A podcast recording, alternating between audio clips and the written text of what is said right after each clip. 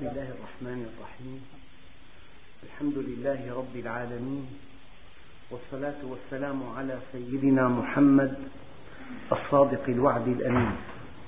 اللهم لا علم لنا إلا ما علمتنا إنك أنت العليم الحكيم. اللهم علمنا ما ينفعنا وانفعنا بما علمتنا وزدنا علما. وأرنا الحق حقا وارزقنا اتباعه. وأرنا الباطل باطلا وارزقنا اجتنابه. واجعلنا ممن يستمعون القول فيتبعون أحسنه. وأدخلنا برحمتك في عبادك الصالحين. أيها الإخوة الكرام مع الدرس التاسع من سورة الأنعام ومع الآية الواحدة والثلاثين وهي قوله تعالى قد خسر الذين كذبوا بلقاء الله حتى إذا جاءتهم الساعة بغتة قالوا يا حسرتنا على ما فرطنا فيها وهم يحملون أوزارهم على ظهورهم ألا ساء ما يزرون. الحقيقة أن قد حرف تحقيق فإذا جاءت قبل فعل ماض يكون حرف تحقيق. يعني خسارة هؤلاء محققة. ماذا خسروا؟ خسروا الأبد. خسروا الجنة التي خلقوا لها. خسروا أعظم ثمرة من ثمار الإيمان وهي السعادة الأبدية. لذلك قد خسر الذين كذبوا بلقاء الله. المشكلة أن الإنسان حينما يؤمن أن الدنيا هي كل شيء يستغني عن طاعة الله. أما حينما يؤمن أنه خلق للآخرة تراه منطلقا إلى طاعة الله. الآية الكريمة فأما من أعطى واتقى وصدق بالحسنى. إن صدق بالحسنى تجده يتقي أن يعصي الله. وإن صدق بالحسنى تجد حياته كلها مبنية على العطاء. خلق ليعطي. أخواننا الكرام أنت حينما تؤمن أن قيمتك في الحياة الدنيا فيما تعطي لا فيما تأخذ لكن الإنسان الغافل الشارد يبني مجده على ما أخذ لا على ما أعطى. حصلت كذا وكذا. ثروتي كذا وكذا حجم المال كذا وكذا بإمكاني أن أفعل كذا وكذا. فقيمة الإنسان من منظور الدنيا التي هي مزرعة الآخرة قيمة الإنسان فيما يعطي. لذلك ترى المؤمن يسعد إذا أسعد الآخرين. يسعد إذا قدم خدمات للآخرين. يسعد إذا اعتنى بعباد الله أجمعين. قد خسر الذين كذبوا بلقاء الله. هو فلما كذب بلقاء الله فلما كفر بالحسنى استغنى عن طاعة الله. وأما من بخل واستغنى وكذب بالحسنى هو الأصل إما أن تؤمن بالحسنى أي الجنة أنك مخلوق لها وإما أن تكذب بالحسنى وتؤمن بالدنيا فقط. وقد لا ننتبه بأن الحياة التي نعيشها نحن نسميها اقتباسا من القرآن الكريم حياة دنيا. معنى دنيا أي منخفضة. ولا نعبأ بالحياة التي تقابلها وهي العليا. الحياة العليا الحياة الأخروية مبنية على التكريم. لهم ما يشاءون فيها. أساسها التكريم. والحياة الدنيا أساسها العمل. يا أيها الإنسان إنك كادح إلى ربك كدحا فملاقيه. يعني الحياة الدنيا أرادها الله أن تكون حياة عمل حياة تجربة حياة ابتلاء حياة امتحان حياة غرائز ومعك منهج والمنهج يحول بينك وبين أن تلبي هذه الغرائز. ففي صراع في مجاهدة في تكليف أشياء ذات كلفة فالحياة الدنيا أساسها بذل الجهد والأوامر تكليفية أي ذات كلفة والحياة الأخرى أساسها الإكرام قطوفها دانية. لهم ما يشاءون فيها ولدينا مزيد. فلذلك أيها الإخوة أنت حينما تؤمن بالحسنى أي بالحياة الآخرة أي أنك مخلوق للآخرة تتقي أن تعصي الله. بل وتبني حركتك اليومية على العطاء. يسعدك أن تعطي أن تعطي من مالك من وقتك من جهدك من خبرتك من علمك. من كل شيء تملكه. تعطي وتسعد بالعطاء. ودقق. إن كان العطاء يسعدك فأنت من أهل الآخرة. وإن كان الأخذ يسعدك فأنت من أهل الدنيا. إذا لأنه صدق بالحسنى اتقى أن يعصي الله وبنى حياته على العطاء. أما إن صدق بالدنيا وكذب بالحسنى استغنى عن طاعة الله. ما في داعي. كذب بالحسنى يبنى على تكذيبه بالحسنى أنه بخل واستغنى. بنى حياته على الأخذ. وشهد الله أيها الإخوة أن هؤلاء البشر على كثرتهم ست مليارات وعلى تنوع انتماءاتهم وألوانهم وأجناسهم ومذاهبهم ونحلهم وطوائفهم. واتجاهاتهم وأطيافهم كما يقال الآن. وكل التقسيمات الأرضية هي تقسيمات لا معنى لها. التقسيم الإلهي قسمان. أعطى واتقى وصدق بالحسنى بخل واستغنى وكذب بالحسنى. ولن تجد نموذج ثالث. من أي إقليم من أي بلد في أي عصر في أي مصر في أي عنصر من أي لون من أي جنس من أي عرق من أي مذهب من أي طائفة. صدق بالحسنى فاتقى أن يعصي الله وبنى حياته على الخير. كذب بالحسنى استغنى عن طاعة الله وبنى حياته على الأخذ. فلذلك قد خسر الذين كذبوا بلقاء الآخرة كذبوا بالدار الآخرة كذبوا بجنة عرضها السماوات والأرض فيها ما لا عين رأت ولا أذن سمعت ولا خطر على قلب بشر لكن متى المشكلة؟ الإنسان قد يستمتع بوهم مريح لكن متى المشكلة؟ حينما يكتشف الحقيقة لو إنسان يحمل تعبير تجاري شيك بمليون دولار مزور هو لا يعلم أنه مزور هذا الشيك بمليون دولار يعطيه شعورا بالغنى شعور بالتفوق شعور بالسيطرة شعور بأنه يفعل ما يريد يشتري ما يشاء. لكن متى المصيبة الكبيرة؟ حينما يكتشف أنه مزور ويزج في السجن. هنا المصيبة. فلذلك البطولة لا أن تضحك أولا أن تضحك آخرا. من ضحك أولا ضحك قليلا وبكى كثيرا. البطولة في العاقبة. قال تعالى والعاقبة للمتقين. ألا يا رب نفس طاعمة ناعمة في الدنيا جائعة عارية يوم القيامة. ألا يا رب نفس جائعة عارية في الدنيا طاعمة ناعمة يوم القيامة. ألا يا رب مكرم لنفسه وهو لها مهين. ألا يا رب مهين لنفسه وهو لها مكرم. فالعاقبة في الدار الآخرة. وأجمل ما قاله الإمام علي رضي الله عنه الغنى والفقر بعد العرض على الله. تقول إنسان يملك تسعين مليار بيل صاحب مايكروسوفت.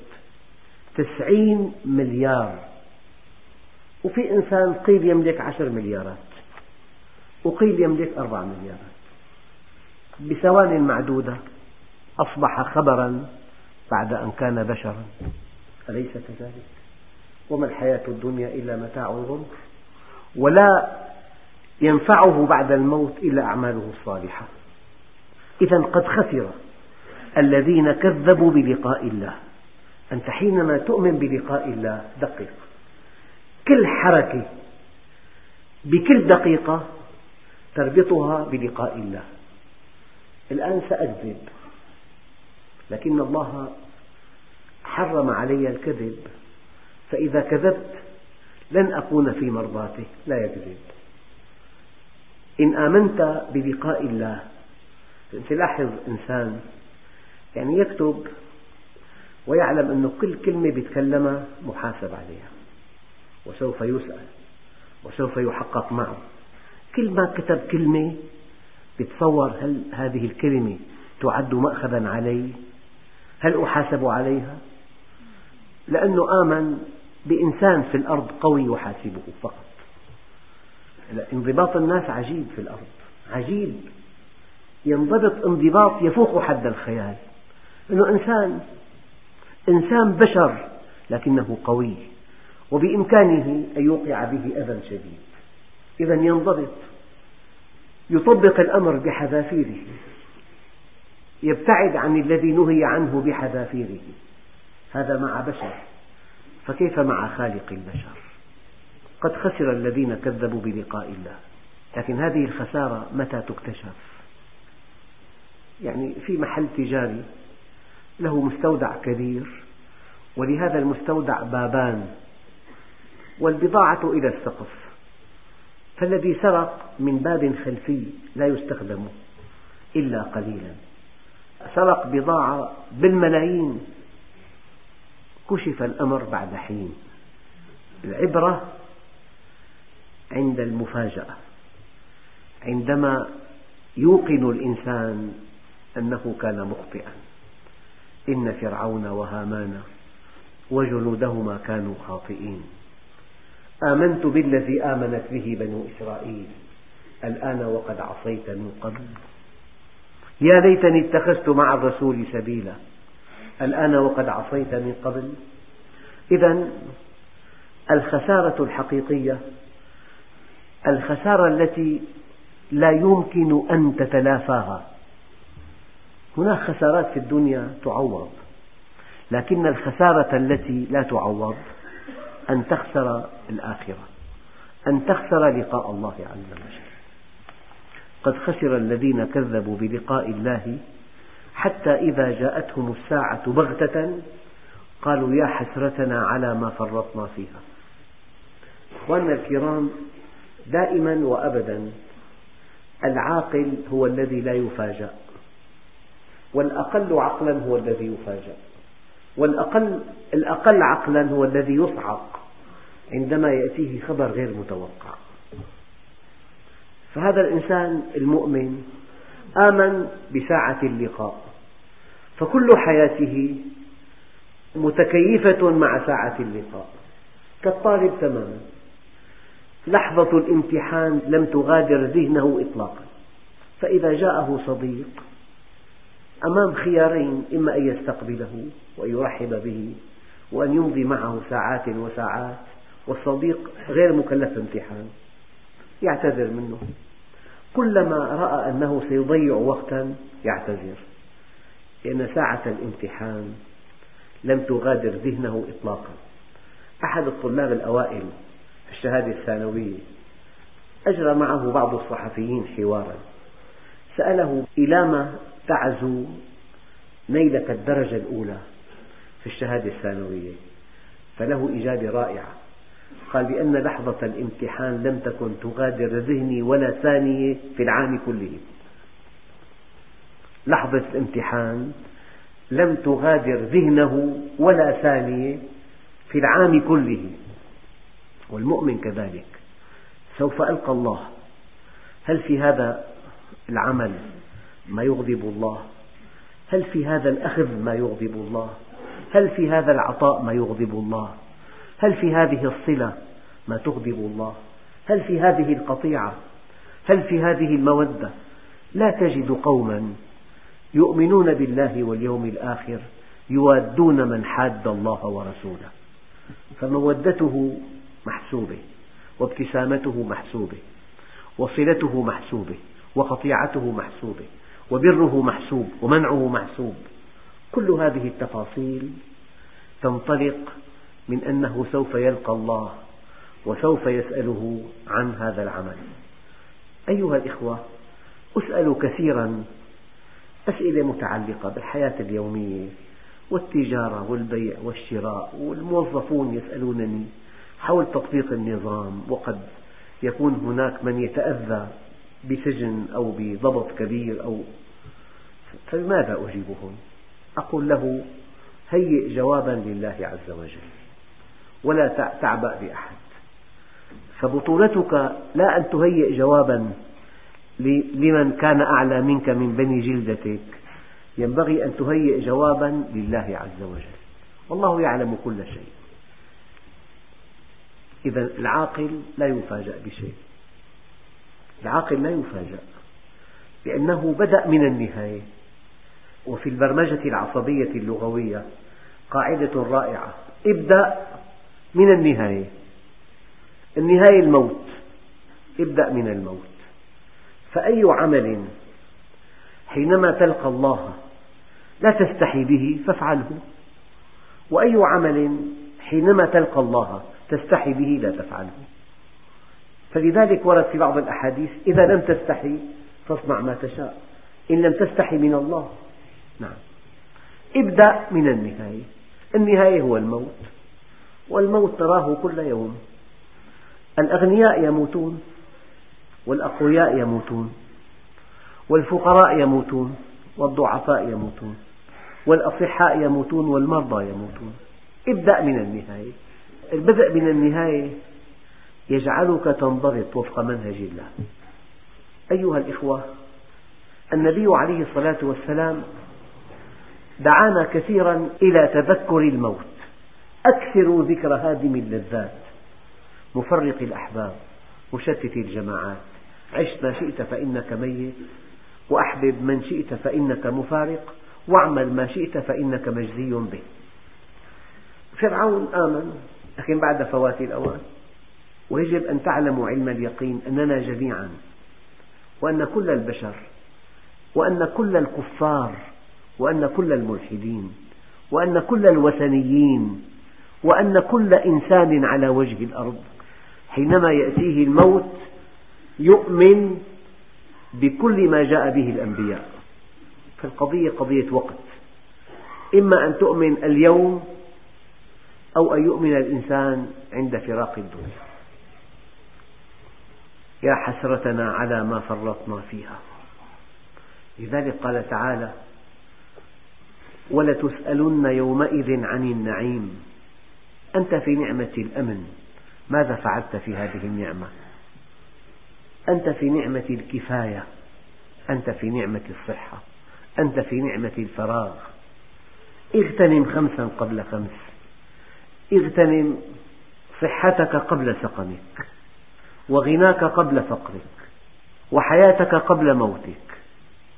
اغتنم خمسا قبل خمس.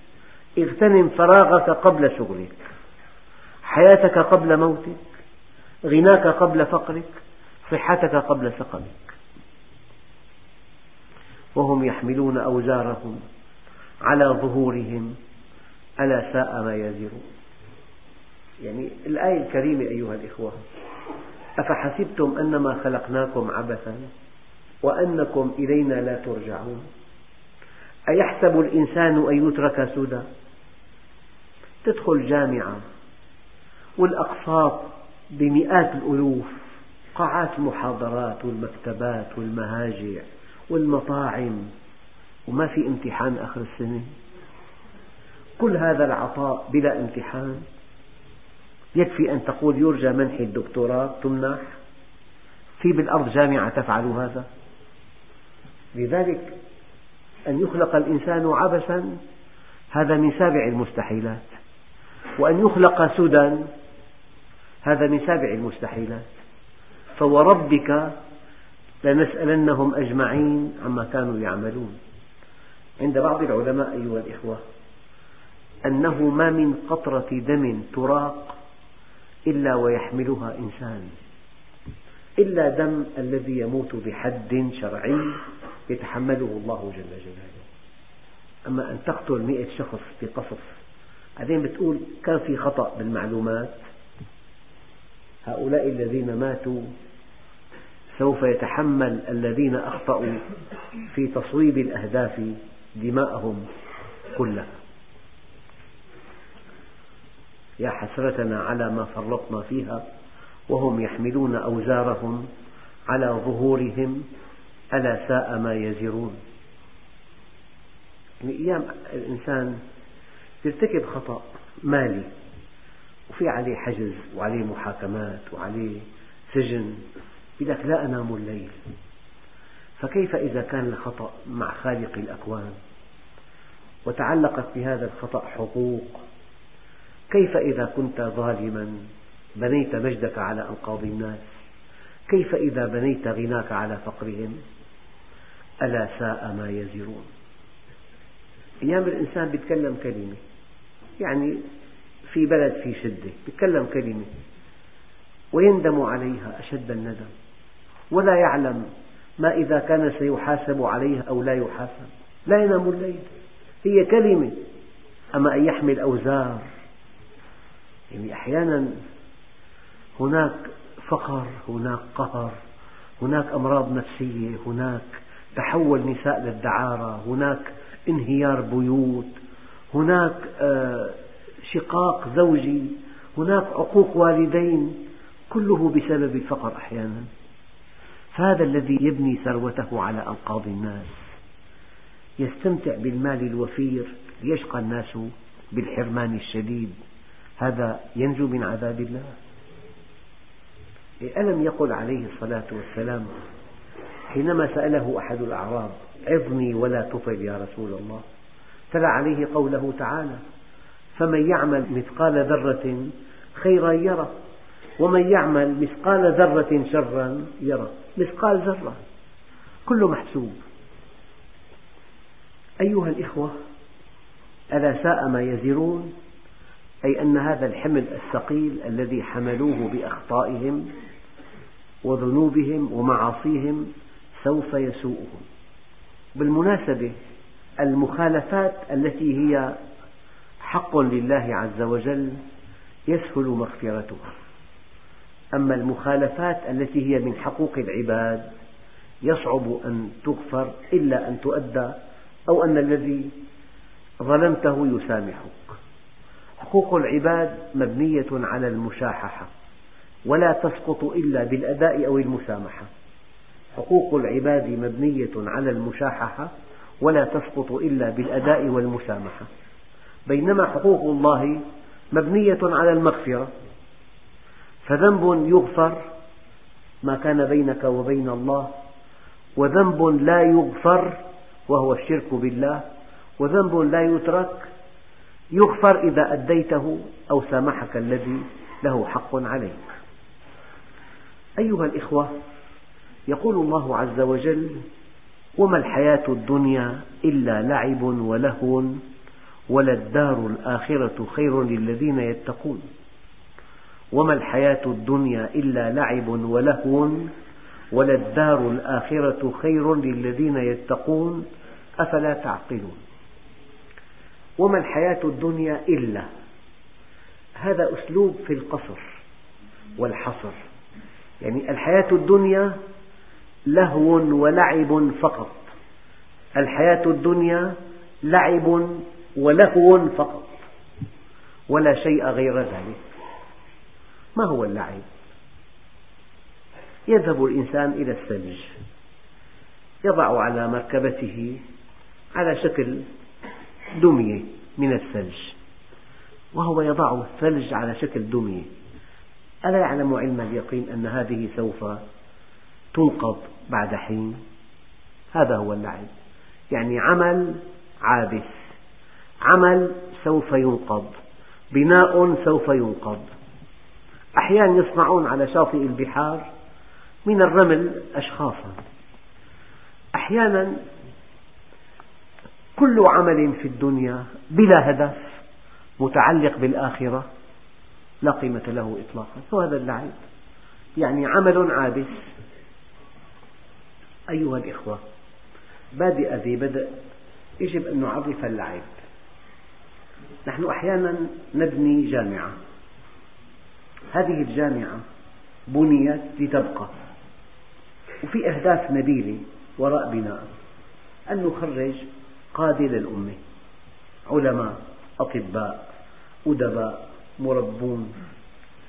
فأحيانا نبني بناء ليبقى. وأحيانا يقام سيرك مثلا. هذا البناء مؤقت خيمة. بعد حين يتحول لمكان آخر. فأن تبني ثم أن تهدم هذا لعب أوضح مثل دمية الثلج أو دمية الرمل. بنيت لتنقض. لعب. يعني عمل غير هادف. أدق كلام عمل بلا هدف. يعني عبث. الآن طفل صغير يشتري سيارة صغيرة يحركها على قطع الأساس برافقها صوت إذا في صعود يرفع مستوى الصوت وهو منغمس في لذة ما بعدها لذة. لكن أباه يرى أنه يلعب هذا نوع من اللعب. أما حينما يكبر ويصبح شخص مهم وتقدم له صور متحركة كيف كان يحرص على هذه اللعبة وكيف كان يقاتل أخاه من أجلها؟ وكيف كان يبكي والدموع تنهمر إذا أخذت منه؟ وهو في مركز كبير يضحك ويقول هذا لعب. تعريف اللعب أنه عمل بلا هدف. تعريف اللعب أنه ينتهي بنقيضه. تعريف اللعب أنك تراه صغيرا حينما تتجاوزه. تراه صغيرا. الآن لو وسعت الموضوع الدنيا كلها لعب. بالنهاية في موت فالقوي بيموت والضعيف بيموت. نحمل شهادات نطبع بطاقات نعرف بأنفسنا نبني بيت فخم. جاءنا زائر نريه أبهاء البيت غرف البيت مرافق البيت. ألفت كتاب تطلع الناس عليه. يعني في حركة لكن كلها تنتهي عند الموت. لو ابتعدنا عن الآخرة تصور دنيا بلا آخرة لعب بلعب ميزات يعني كل ما اطلع على آلة لك هذه فيها ذاكرة هذه تقف حينما لا تستعملها آليا. فكل إنسان في عنده آلة آلتين ثلاثة يتحدث عن الخصائص حديث ممتع.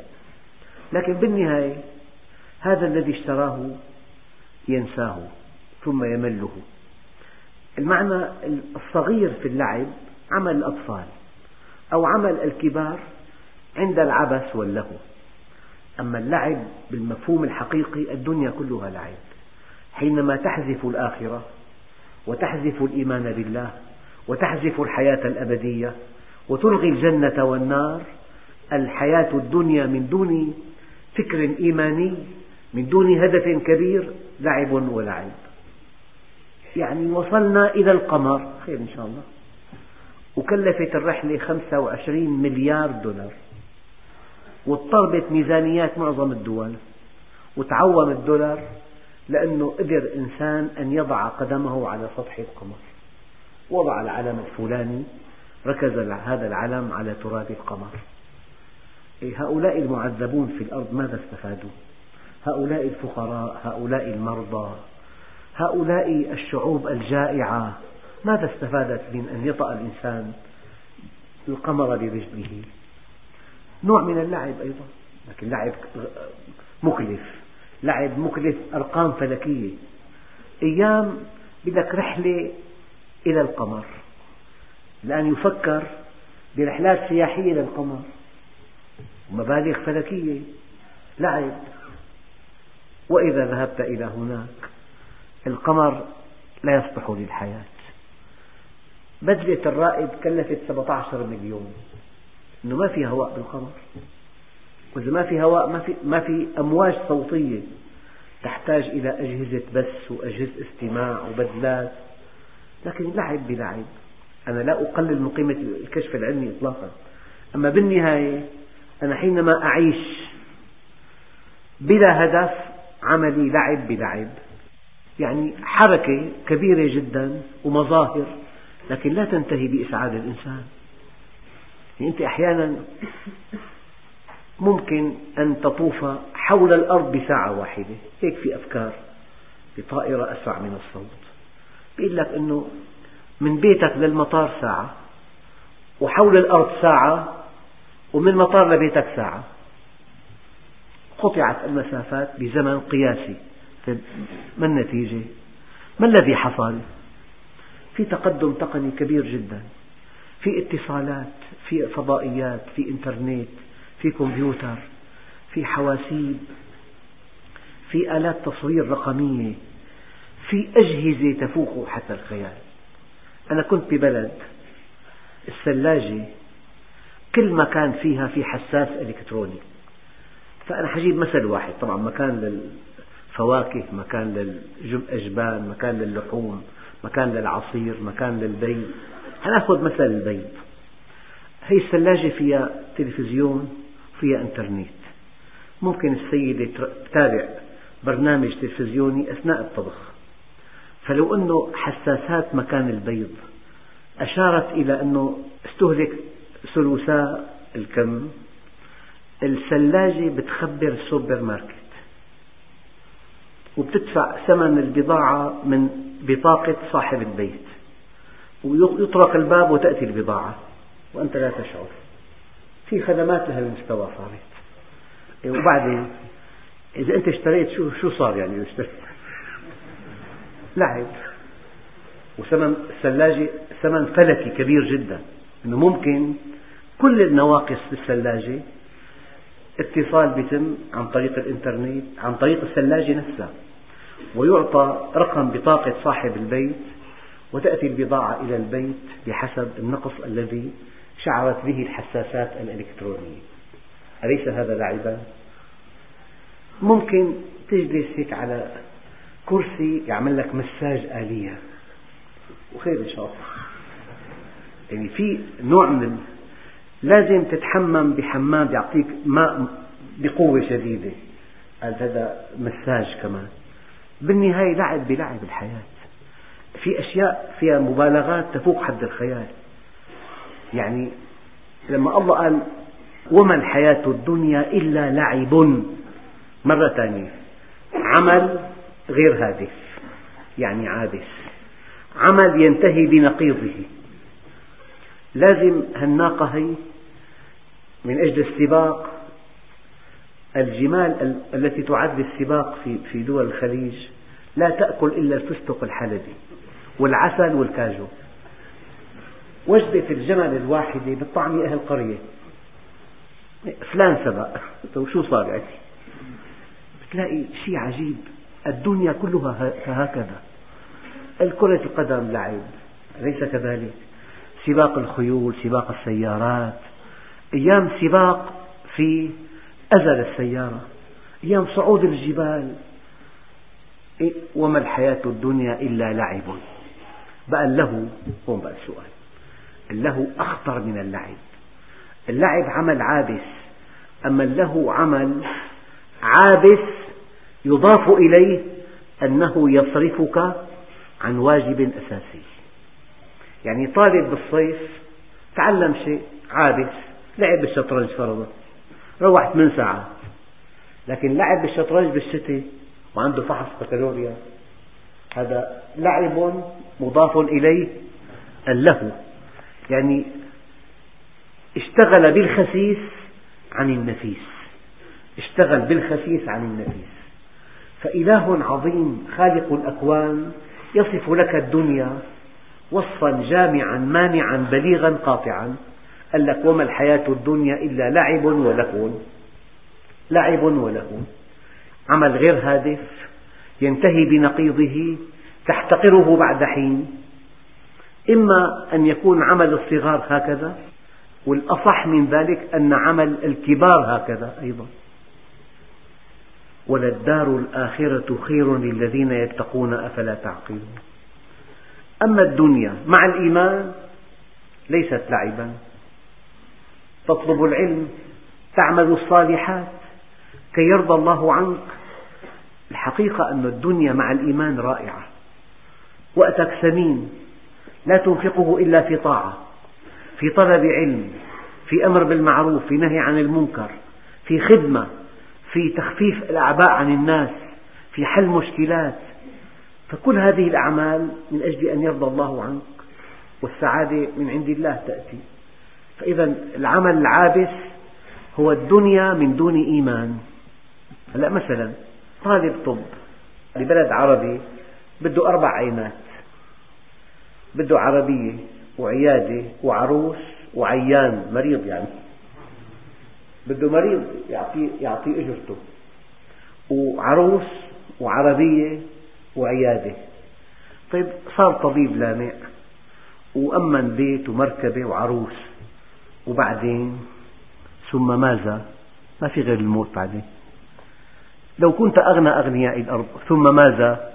الموت لو كنت أقوى إنسان ثم ماذا؟ الموت يعني طائرة كبيرة جدا غرفة نوم وغرفة جلوس ويخت في البحر لقضاء إجازة بكاملة وأرقام تفوق حد الخيال وبيت يفوق في مساحته حد الخيال. والإنسان بثانية صار خبرا بعد أن كان شخصا مهما جدا. هي الحياة لعب ولهو. فاللعب عمل عابث عمل عابث بلا هدف ينتهي بنقيضه تستصغره بعد حين. أما اللهو هو عمل عابث بلا هدف ينتهي بنقيضه تستصغره بعد حين ولكنه يشغلك عن عمل جليل. فالذي يلهو بالخسيس عن النفيس يعد من أكبر الخاسرين. وما الحياة الدنيا إلا لعب ولهو. طبعا أنا حينما أذكر هذه الأمثلة لا أقصد إنسان إطلاقا. قد يكون الإنسان الذي يفهم محسن وله أعمال طيبة. أنا أقصد أن الحياة تنتهي بالموت والموت مصير كل إنسان من دون استثناء. وللدار الآخرة خير للذين يتقون أفلا تعقلون؟ نحن خلقنا لجنة عرضها السماوات والأرض. فإذا جئت للدنيا وكان في ذاكرتك هذه الجنة فكل أعمالك ليست لعبا ولا لهوا. أعمال هادفة جادة. واضح تمام؟ إذا ما الذي يلغي أن تكون الدنيا لعبا ولهوا أن تؤمن بالله؟ فإذا آمنت بالله عز وجل أصبحت الدنيا ثمينة جدا لأنها مزرعة الآخرة ولأن كل أعمالك فيها أعمال صالحة تستحق من الله الثواب والجزاء. وللدار الآخرة الأبدية وللدار الآخرة خير للذين يتقون أفلا تعقلون؟ معنى ذلك العقل يأمرك أن تسعى للآخرة. وما من ركنين من أركان الإيمان قرنا معا كالإيمان بالله واليوم الآخر. فلذلك إيمانك باليوم الآخر وانسجامك مع اليوم الآخر يقلب الدنيا من لعب ولهو إلى عمل جاد مثمر ونافع. هذا هو الفرق. الغرب يتمتع بحياة بشكل مخيف. بشكل مخيف. ومع ذلك يأتي الموت فينهي كل شيء. نتابع الآيات إن شاء الله في الدرس القادم. والحمد لله رب العالمين.